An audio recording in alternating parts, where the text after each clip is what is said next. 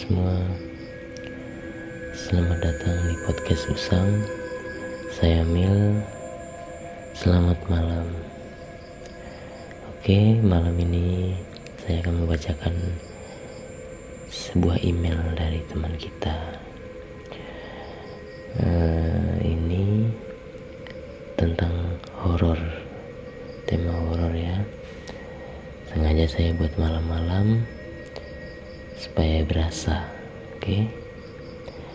oh iya uh, untuk teman-teman yang udah dengar jangan lupa untuk follow instagram kami di podcast usang biar nanti ada update yang terbaru bisa dilihat di sana oke okay? oh ya tanpa berlama-lama nih Nah, kita langsung bacakan aja ya, sebentar. Oke. Halo Kak, kenalin aku Ovi.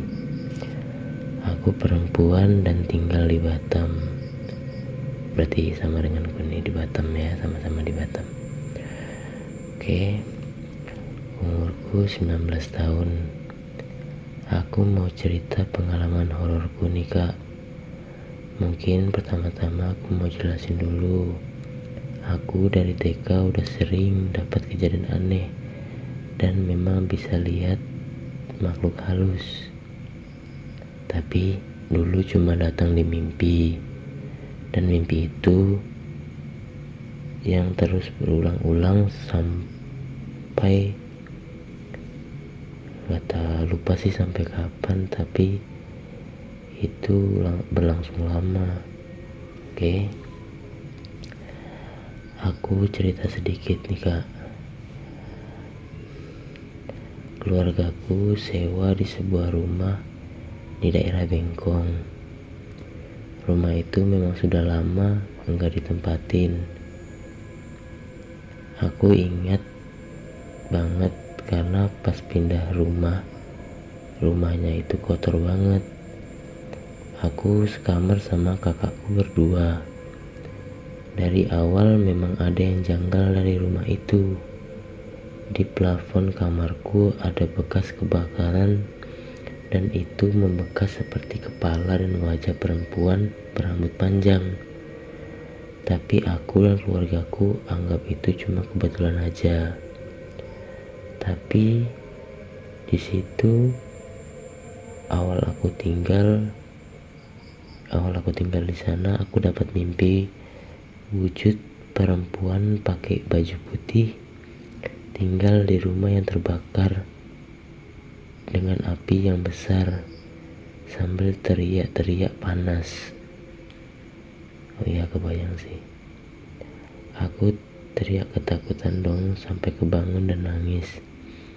Kejadian itu terus berulang-ulang sampai beberapa hari sampai mamaku risih dan kasih aku kitab Al-Quran di atas kepalaku pas aku tidur supaya nggak kejadian lagi. Memang ada efeknya tapi kadang mimpi itu muncul lagi sampai akhirnya papaku bersihin kamarku pakai metode dari Cina. Karena papa keturunan Chinese dan itu berhasil Aku alami hal-hal aneh sampai aku umur 14 tahun. Yang nggak bisa aku jelasin di sini karena nggak terlalu ganggu buat aku dan keluargaku sampai pindah dari rumah itu dari rumah itu. Oh, dan akhirnya keluargaku pindah dari rumah itu ke daerah Nagoya. Oh, oke okay, oke. Okay. Kejadian kedua ini di rumah baruku. Aku berharap aku gak ketemu sama hal-hal aneh lagi di rumah baru ini. Karena rumah ini baru siap dibangun. Oke.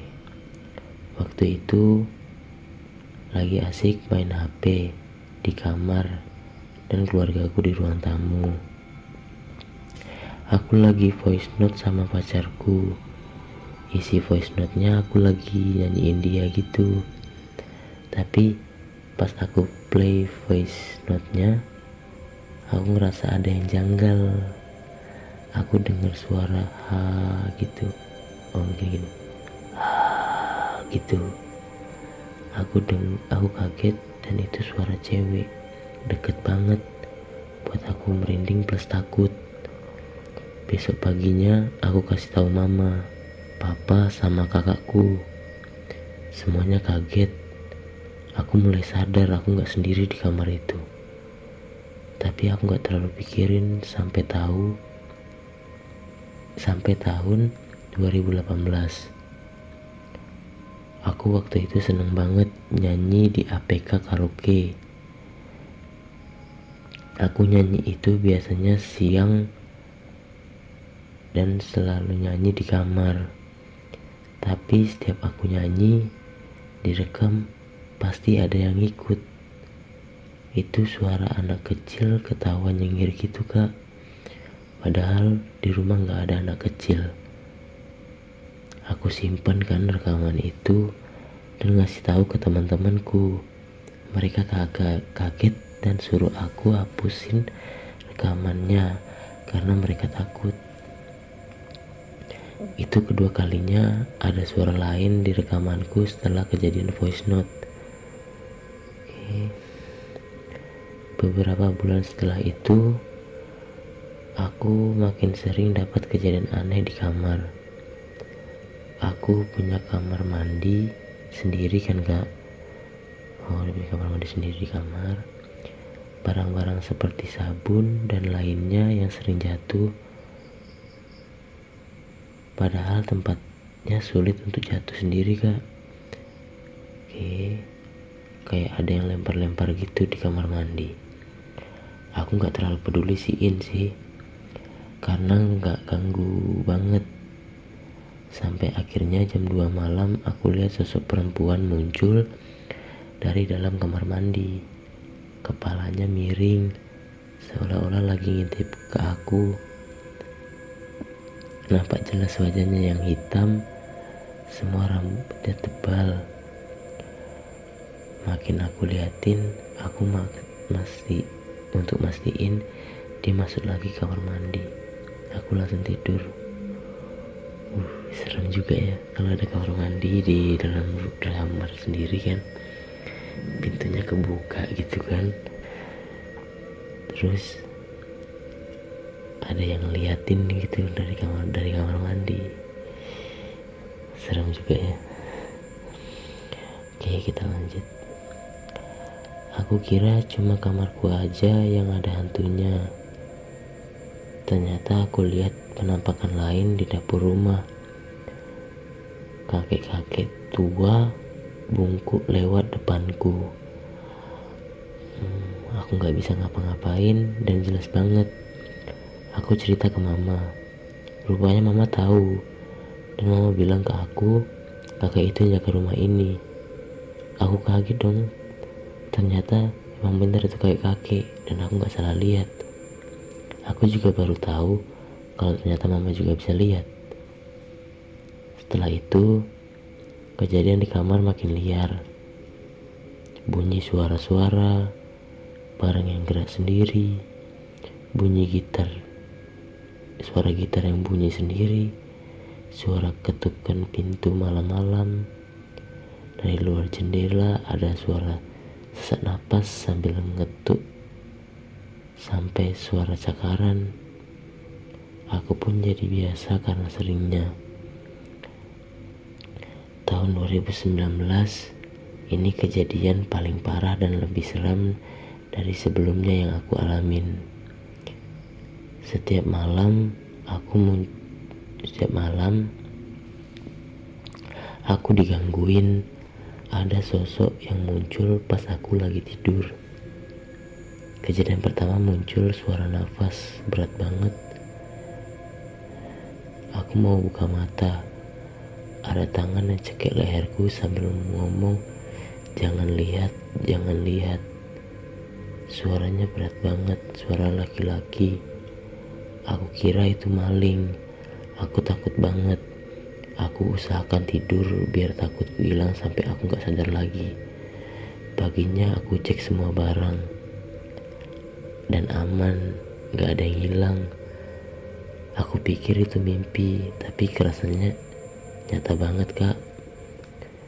Kejadian aneh terus datang, seperti ada yang jalan jalan di kasurku, bunyi nafas di telingaku, sampai aku ngerasain ketindihan. Tapi ini bukan ketindihan biasa, kayak ada sosok di atasku. Di telingaku muncul suara meraung-raung laki-laki. Suaranya berat dan deket banget. Rambutku dijambak kuat. Aku cuma bisa melotot ke atas. Aku gak bisa bersuara. Kepalaku panas, pipiku panas. Aku cuma bisa berdoa dalam hati. Mau nangis gak bisa. Sampai akhirnya aku bisa gerak. Aku langsung keluar kamar, temuin mama sambil nangis. Sejak hari itu aku gak pernah pakai kamar mandi itu. Oh, kamar mandi yang di kamarnya itu udah gak pernah lagi. Mungkin emang dari kamar mandi itu sih. Aku jadi sering sholat ngaji di kamar. Tapi kejadian itu muncul lagi beberapa minggu kemudian dan lebih parah dari sebelumnya. Aku posisi tidur terbalik dari posisi biasanya dan posisiku miring.